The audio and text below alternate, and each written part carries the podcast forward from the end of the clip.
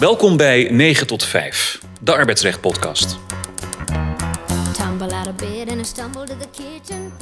Welkom dames en heren bij de vierde podcast. Ik ben hier vandaag met eh, Meerte van der Heuvel en Christian Zillinger. En wij hebben besloten het toch maar eens een keer over corona te gaan hebben. Eh, want ja, eh, als u dit luistert, dan eh, zijn al heel veel mensen gevaccineerd. Ik denk dat we dan zo'n beetje bij de leeftijdsgroep 40-45 zitten. En waar wij het vandaag eigenlijk alleen maar over gaan hebben, zijn de twee volgende vragen die natuurlijk heel erg met elkaar samenhangen. Kan een werkgever nou een werknemer dwingen dat hij zich laat vaccineren? En kan hij dat dan op een directe manier doen? Hè? Eh, ik grijp je bij de pols of zoiets. Of op een indirecte manier, van als je het niet doet, dan, eh, ja, dan kom je niet binnen of dan ontsla ik je. En de tweede vraag die daarmee samenhangt is dan... Ja, wat kan zo'n werkgever nou doen tegen een weigerachtige eh, werknemer? En als we nou even hoog overgaan, dan beginnen we eh, Europees, eh, Christian. Want eh, we hebben daar natuurlijk even buiten corona ook wel wat voorbeelden van. En jij hebt een mooie uitspraak gevonden. Kun jij ons vertellen wat daar eh, aan de hand was? Er is eh, onlangs een uitspraak geweest van het eh, Europees Mensenrechtenhof. En dat ging om de Tsjechische kinderen die verplicht zijn zich te laten inenten. Eh, en als ze dat niet doen, dan krijgen de ouders een boete. En ze worden niet Ja. toegelaten tot de basisschool. Ja. Dat is een wet. Ja. ja. En ehm, nou, een aantal ouders die, eh, die zijn naar de rechter gegaan. Die hebben gezegd, ja, eh, geen prik eh, in mijn kind eh, en ik betaal de boete niet. En ik vind het ten onrechte dat ze niet naar de kleuterschool mogen. Een discussie die in sommige delen van Nederland ook eh, hè, steeds meer naar de voorgrond komt, volgens mij. Ja, zo van Zeeland tot eh, Noordoost-Overijssel heb je zo'n band, geloof ik. Waar, eh, de, de, de, Bijbel, de Bijbelbelt. Ja, dat bedoel ik eigenlijk. Ja. Eh, maar goed, eh, wat gebeurt er? Het gaat naar het Europese Mensenrechtenhof. En eh, ja, de vraag doet zich dan voor: is dit eh, in strijd, deze bepaling, met eh, het grondrecht eh, wat staat in het EVRM? Eerbiediging van de persoonlijke levenssfeer, dus de lichamelijke integri- integriteit. Ja. Nou, wat vindt dat Hof daar dan eh, uiteindelijk van? Uiteindelijk zegt het Hof. Een indirecte vaccinatieverplichting is wel schending van zo'n grondrecht. Hè, want mensen moesten niet fysiek ook daadwerkelijk gevaccineerd worden. Maar er werden wel maatregelen getroffen als je je niet liet vaccineren. Ja, want direct is dat je het kind bij de arm neemt en zegt: hier komt die prik. Hè? Dat, Ja, eh, dat, ja. dat is dus niet aan de orde. Het gaat echt Nee, om- dus mensen werden niet gedwongen Ja, gevaccineerd. Ja. Hè, maar voelden zich wel gedwongen, omdat ze anders een boete Op een zouden andere manier kregen ze er wel last van als ze het niet deden. Ja, dus hè, de boete of eh, niet toegelaten tot, eh, tot de kleuterschool. Vervolgens, eh, dat is denk ik wel hè, wat, wat hier het Hof gedaan heeft. Die heeft dus een belangenafweging gemaakt van hè, dus de grondrechten aan de ene kant van, eh, van eh, de, de kinderen in dit geval. En aan de andere kant het belang wat de staat heeft is hè, om, de, om de, de kinderen te beschermen. En uiteindelijk heeft dat, heeft het Hof gezegd, ja, dat is toelaatbare beperking van dit grondrecht. Want ja, het, het is proportioneel. Eh, want de kinderen die, eh, nou ja, die kunnen uiteindelijk wel naar de basisschool gaan, niet naar de kleuterschool. Dus het is beperkt in tijd. Maar Christian, dat gaat best ver als je kinderen natuurlijk de toegang kunt ontzeggen op die manier. Ja, dat zou je zeggen aan de ene kant. Aan de andere kant is het ook beperkt in tijd natuurlijk. Hè? Dus die kinderen die gaan uiteindelijk ja, wel naar de basisschool toe. Dus het is ook weer niet zo dat ze eh, helemaal geen toegang krijgen tot Nee. onderwijs. Nee, inderdaad. En waren er verder nog afwegingen die werden gemaakt om tot die beslissing te komen? Ja, wat, wat het Hof hier verder zegt, is dat ook de, de, de, de maatregel geen punitief karakter heeft. Hè? Dus dat het geen straf is die wordt opgelegd, maar het is ter preventie van voor te zorgen dat eh, andere kinderen niet ziek worden. Nee, ik ken niet veel kinderen die het als een straf zien dat ze niet naar school hoeven, eh, toch? Nee, inderdaad. hey, en eh, ja, je hebt hem niet genoemd, maar je hebt hem waarschijnlijk wel gezien. Ehm, wat hier ook nog interessant is, denk ik, is dat het Hof hier zegt dat de autoriteiten, dus eigenlijk de, nou ja, ik, ik zie dat maar als de Tsjechische wetgever, maar misschien ook wel de scholen, ik weet het niet, die hebben een hele ruime beoordelingsvrijheid om te bepalen of, eh, nou ja, of hier het eh, public health belang voorgaat op, eh, op andermans belang. Dus dat zou voor ons ook nog wat kunnen zijn in onze eventuele discussies in Nederland, of niet? Ik zie hem overkomen inderdaad vanuit Tsjechië hoor, deze, deze uitspraak. Dat wij hier toch ook wel richting een vaccinatieplicht zouden willen met deze uitspraak in de hand. Je, hebt natuurlijk een, eh, zorgplicht als, eh, als werkgever. Hè? Dus je moet ervoor zorgen voor een veilige werkomgeving. En dan, eh, dat wordt denk ik verder ingekleurd. Ook, als je deze uitspraak neemt, er moet een, toch een bepaalde noodzakelijkheid zijn. voor, in dit geval dan, hè, als we het hebben over de werkgever-werknemerrelatie. Om zo'n maatregel te kunnen nemen. Ja, en we hebben gezien dat uh, er op dat punt ook al wat is veranderd in de wet. Hè? Uh, want er is nu inderdaad een. Nou, we kennen natuurlijk al die Arbo-zorgplicht, maar die is natuurlijk wat, ja, wat algemeen. Hè? Je moet zorgen voor een veilige werkplek enzovoort. We hebben daar een besluit uh, bij gekregen ten aanzien van COVID-19. even voor de luisteraar en eigenlijk ook een beetje voor mij, want ik moet bekennen dat ik hem nog nooit heb gelezen, die, die regeling. Wat staat daar zo'n beetje in, in dat besluit? Van vorig jaar, geloof ik. Hè? Ja, klopt. Um, nou, in dat besluit zijn eigenlijk een soort ja, verruiming gegeven van voorschriften voor werkgevers ten aanzien van uh, COVID-besmetting. Dus de werkgever moet ervoor zorgen dat op de werkvloer zo min mogelijk COVID-besmettingen plaatsvinden.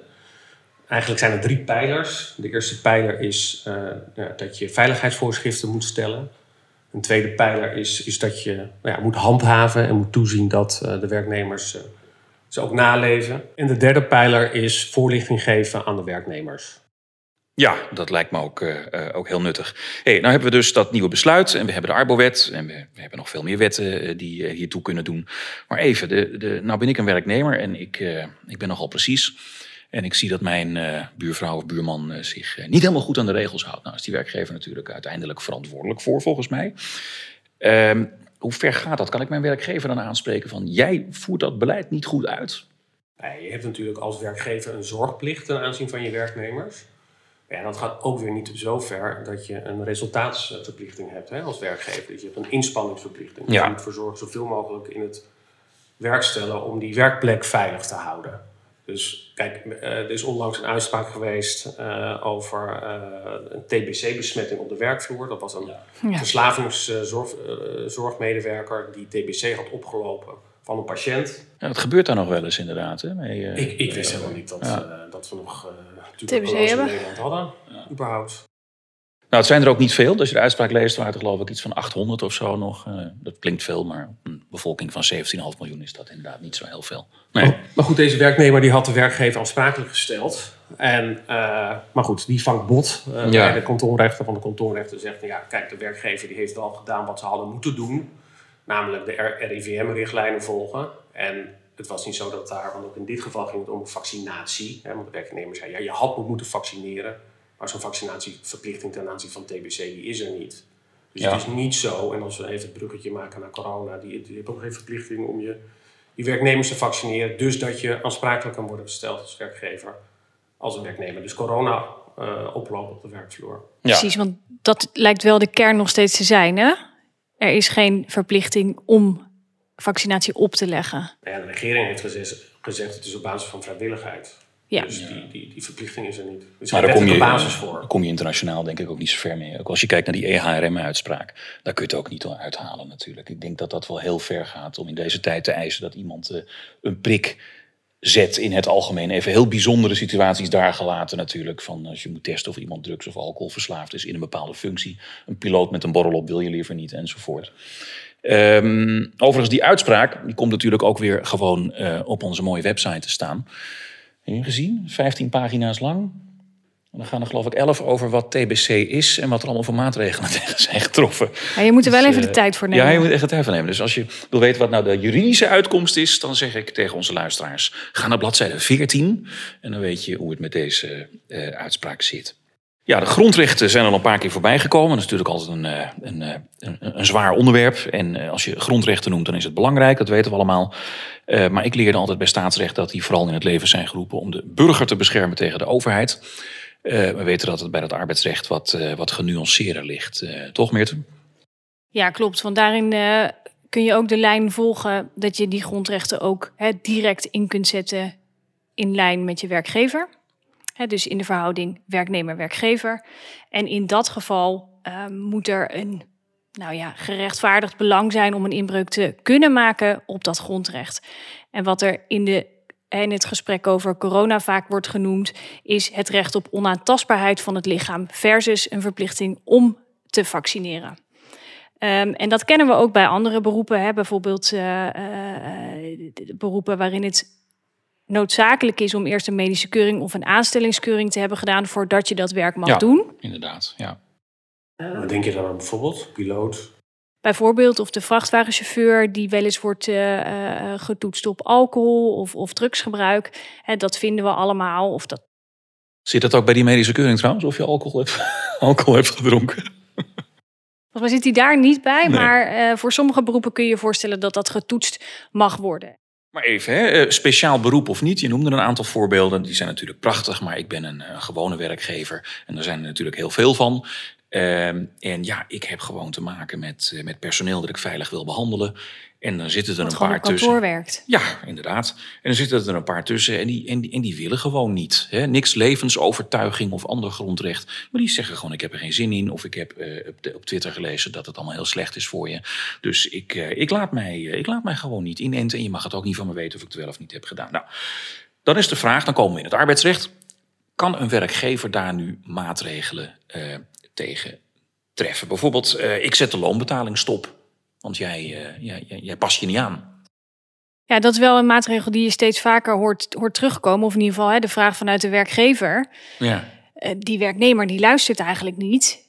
Dat kan, dat moet ik gaan bestraffen. Dat moet kunnen.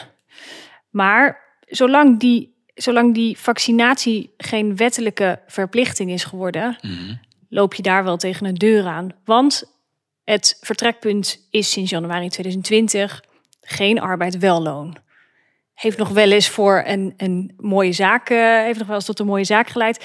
Maar inderdaad met de uitzondering tenzij, hè, tenzij het voor rekening van de werknemer komt dat er geen arbeid kan worden verricht. Is daar geen sprake van dan in een situatie als deze? Nou, daar zou je over kunnen discussiëren. Dus laten we dat maar eens doen. Ja, maar wat, wat hierbij ook nog wel een aardig is. Hè? eh, iemand is ziek geworden, die, eh, die heeft zich ook allemaal niet aan de regels willen houden.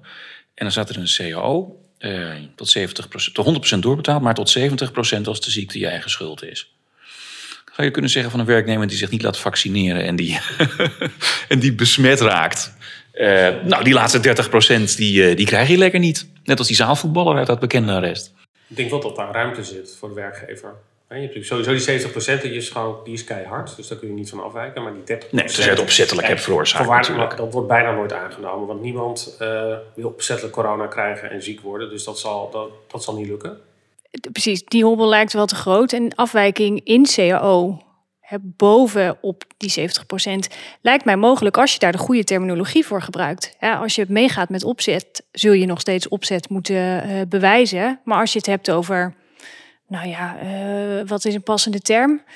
Ehm, schuld misschien? Of ehm, door eigen toedoen? Ja, bewuste roekeloosheid. Ja, dat soort termen. Nou ja, daar zouden we eens wat mee kunnen proberen. Hey, en even, even eh, ik ga gewoon een paar zijstraten af uit ons arbeidsrecht.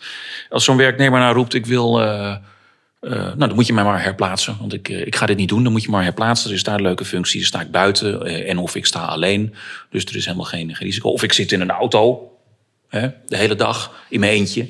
Eh, kan zo'n werknemer dan afdwingen dat hij, eh, nou ja, dat hij herplaatst wordt? Dat hij een functiewijziging krijgt? Of kan een werkgever dat eisen van een werknemer? Ja, op zijn Hollands heeft die werkgever wel een vergaande verplichting om mee te kijken en denken met een Ja. werknemer. Dus ook hier zul je als werkgever ook de mogelijkheden voor herplaatsing moeten onderzoeken als jij meent dat je zoveel last hebt van je ongevaccineerde werknemer. Ja, nou op zijn Hollands ken ik dat vooral van, eh, van zieke werknemers. Dan denken we over het algemeen aan mensen die er niet heel veel aan hebben kunnen doen. Dus reïntegratieverplichtingen, daar zie Ja. je dat natuurlijk. En je ziet het bij ontslag, dat er een herplaatsingsplicht is. Maar de vraag is natuurlijk, en dat is een open vraag... en ik heb er niet direct het antwoord op... Van hoe ga je nou om met zo'n werknemer die simpelweg zegt... Ik, eh, ik speel het spelletje niet mee. Terwijl er in feite niet zo heel veel aan de hand is. Maar goed, daar kunnen we lang en breed eh, nog over praten. Ehm, ik, ik zie niet in ieder geval op voorhand dat dat helemaal, eh, helemaal hetzelfde is.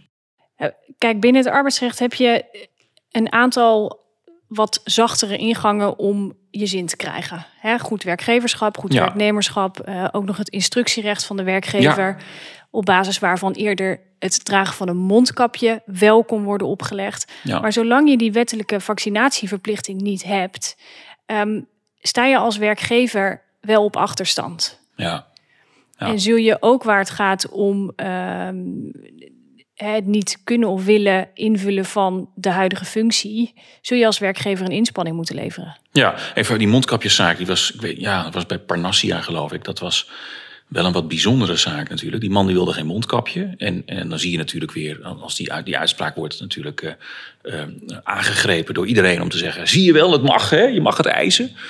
Maar goed, die man die zat geloof ik de hele tijd op de, op de vrachtwagen. Op de of weg, ja, klopt. ja, ja, en eh, hij kwam alleen af en toe langs, geloof ik, bij zijn werkgever om naar de wc te gaan of zoiets. En iets, iets te halen of zo.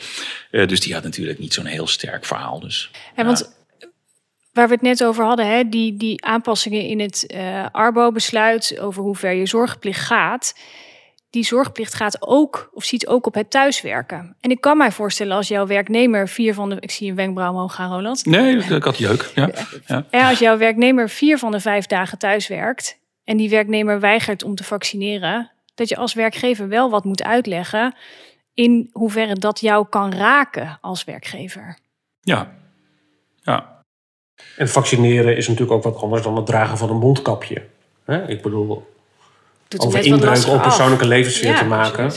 Ja, en de onaantastbaarheid van het lichaam, dan eh, is een prik toch wat anders dan eh, een stukje stof voor je mond. hey, en even, nou ben ik een, eh, een, een werkgever die er helemaal klaar mee is. En ik wil gewoon van die werknemer af. En eh, nou ja, we hebben inmiddels een eh, min of meer gesloten stelsel van ontslaggronden. Zou je dat aandurven? En zo ja, welke grond pak je dan? Nou ja, ik zou, eh verstoorde arbeidsverhouding eh, zou een grondslag kunnen zijn. Ja. Ik denk wel dat je van goede huizen moet komen. Hè? Want eh, ik denk als werkgever eerst het gesprek aan moet gaan eh, met die werknemer. Van, en waarom wil die zich ook niet laten vaccineren? Dat kan daar ook nog een rol bij spelen. Maar bedoel je dan dat op het moment dat de werknemer weigert om zich te laten vaccineren, werkgever vraagt daar vriendelijk om, en wat meer is er op dit moment nog niet, dat je zegt ja, maar je weigert het, daarmee ontstaat een verstoorde arbeidsrelatie. Nou, ik, kijk, eh, je moet denk ik, een, een werkgever die kan een redelijk voorstel doen. Hè? Dus die kan tegen de werknemer zeggen, ja, ik vind wel dat je in deze situatie, echt afhankelijk van eh, de, de arbeidssituatie uiteraard, eh, dat je je moet laten vaccineren. Daar heb ik een belang bij. En als je dat niet doet, ja, dan is dat jouw eigen keuze. Maar dat kan er wel voor zorgen dat jij je functie niet goed kan uitoefenen. Of dat je gevaar bent voor collega's. Dus ik ga je overplaatsen en een werknemer wil dat niet. Nou, dat zou ertoe kunnen leiden dat uiteindelijk een werkgever... ja. Het wordt van kwaad tot erger eigenlijk. Ja, nou ja, hè, je moet gaat eigenlijk al die, die, die, die stapjes ga je af. En als Ja. de werknemer dan echt niet wil, ja, dan... Dan struikel je wel bij dat het duurzaam moet zijn. Nou ja, dan zeg je er toch gewoon bij. Ik vind je eigenlijk vier jaar al een, al een. Dat, zou- dat kan zou je natuurlijk altijd zijn. doen. Dan Ja. sta ik de werknemer bij in deze, oké? en want een dringende reden, om, om antwoord te geven op jouw eh, vraag, Ronald, waarvoor zou je kunnen gaan? Ehm, die zou ik echt vergeten. Ja, alleen in de zorg misschien. Maar verder eh, kun je dat echt eh, ontslag op staande voet. Nee, dat, eh, dus werkgevers opgelet eh, niet doen. Ook goed Precies. tegen uw PNO-adviseurs eh, zeggen: dit is niet eh, eh, the way to go. Nou hebben we het er vooral over de stick gehad. Nu komt er nog even de carrot bij. Eh, nu ehm, eh, probeer ik het als werkgever anders. En dan zeg ik: eh, Nou, beste mensen, het hoeft natuurlijk niet. Maar als jullie je nou laten vaccineren, dan krijg je 250 euro bonus. Moet je wel even op mijn kantoor komen. Hè, dan weet ik wie je bent en dan kunnen we elkaar even de hand schudden. Dat mag dan weer. Eh, en dan krijg je die bonus. Hoe, eh, hoe gaan we daarmee om? Nou, jij bent misschien geïnspireerd geraakt door een eh, werkgever eerder dit jaar. Of Ja, dat zou zomaar kunnen Ja. inderdaad. Ja, ja, ja. Ehm, en want deze werkgever had een vergelijkbaar plan. Christian die eh, nodigde de werknemers eh, eh, uit om op kantoor even de 100 euro op te komen halen. Op het moment dat zij zich zouden laten vaccineren of zich hadden gevaccineerd. Wat, wat zou daar de bezwaren de- zijn dan? Nou ja, dat jij bereid bent om even langs het kantoor van de baas te komen om de 100 euro te innen, dat is misschien nog niet zo spannend. Maar waar het ingewikkeld wordt, is de AVG. Want hè, je mag weet hebben van het feit of dat iemand zich wel of niet, niet heeft gevaccineerd. Je mag het alleen niet gaan vastleggen.